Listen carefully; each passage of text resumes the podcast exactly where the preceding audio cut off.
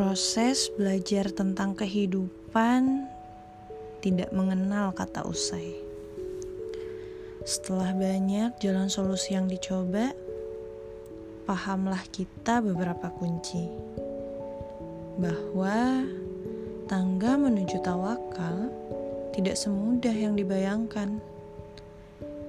Banyak yang mengira bahwa ketika bersungguh-sungguh berdoa, maka jalan kemudahan akan terbentang.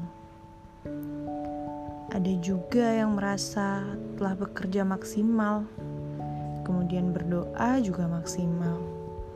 Namun, hasilnya tetap saja mental. Apalagi yang harus dikoreksi? Bercermin dari sini, kita mengevaluasi diri. Adakah cara unik aktivasi tawakal agar maksimal? Allah tidak suka jika dalam sesuatu yang berurusan dengan doa kita mendua. Tak terkecuali dalam meminta dan bekerja seperti lazim banyak orang menyangka.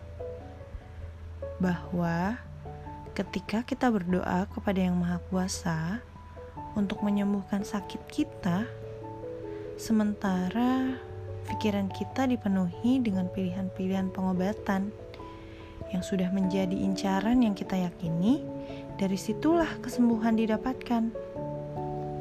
Berdoa akhirnya menjadi pelengkap saja, atau menjadi basa-basi karena hatinya lebih meyakini kemampuannya daripada kuasa Allah.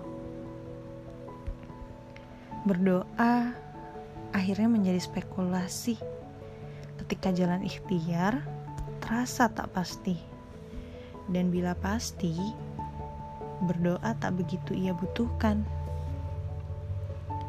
Astagfirullahalazim. Berdoa sebagai bentuk tawakal lebih mudah dilihat pada seorang bayi terhadap ibunya.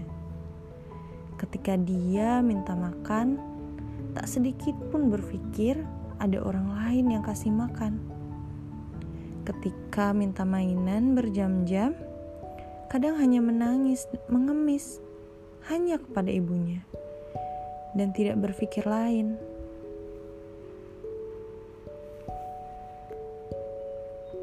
Teman-teman, berdoalah dan buanglah segala ketergantungan kepada makhluknya. Berdoalah dan putuslah semua benang pikiran akan terkabulnya doa melalui dramatisir kemampuan dan pengalaman kita. Dan hanya kepada Allah kita berserah. Percaya dengan kuasa Allah dan caranya. Semoga tawakal semakin total untuk hasil yang maksimal.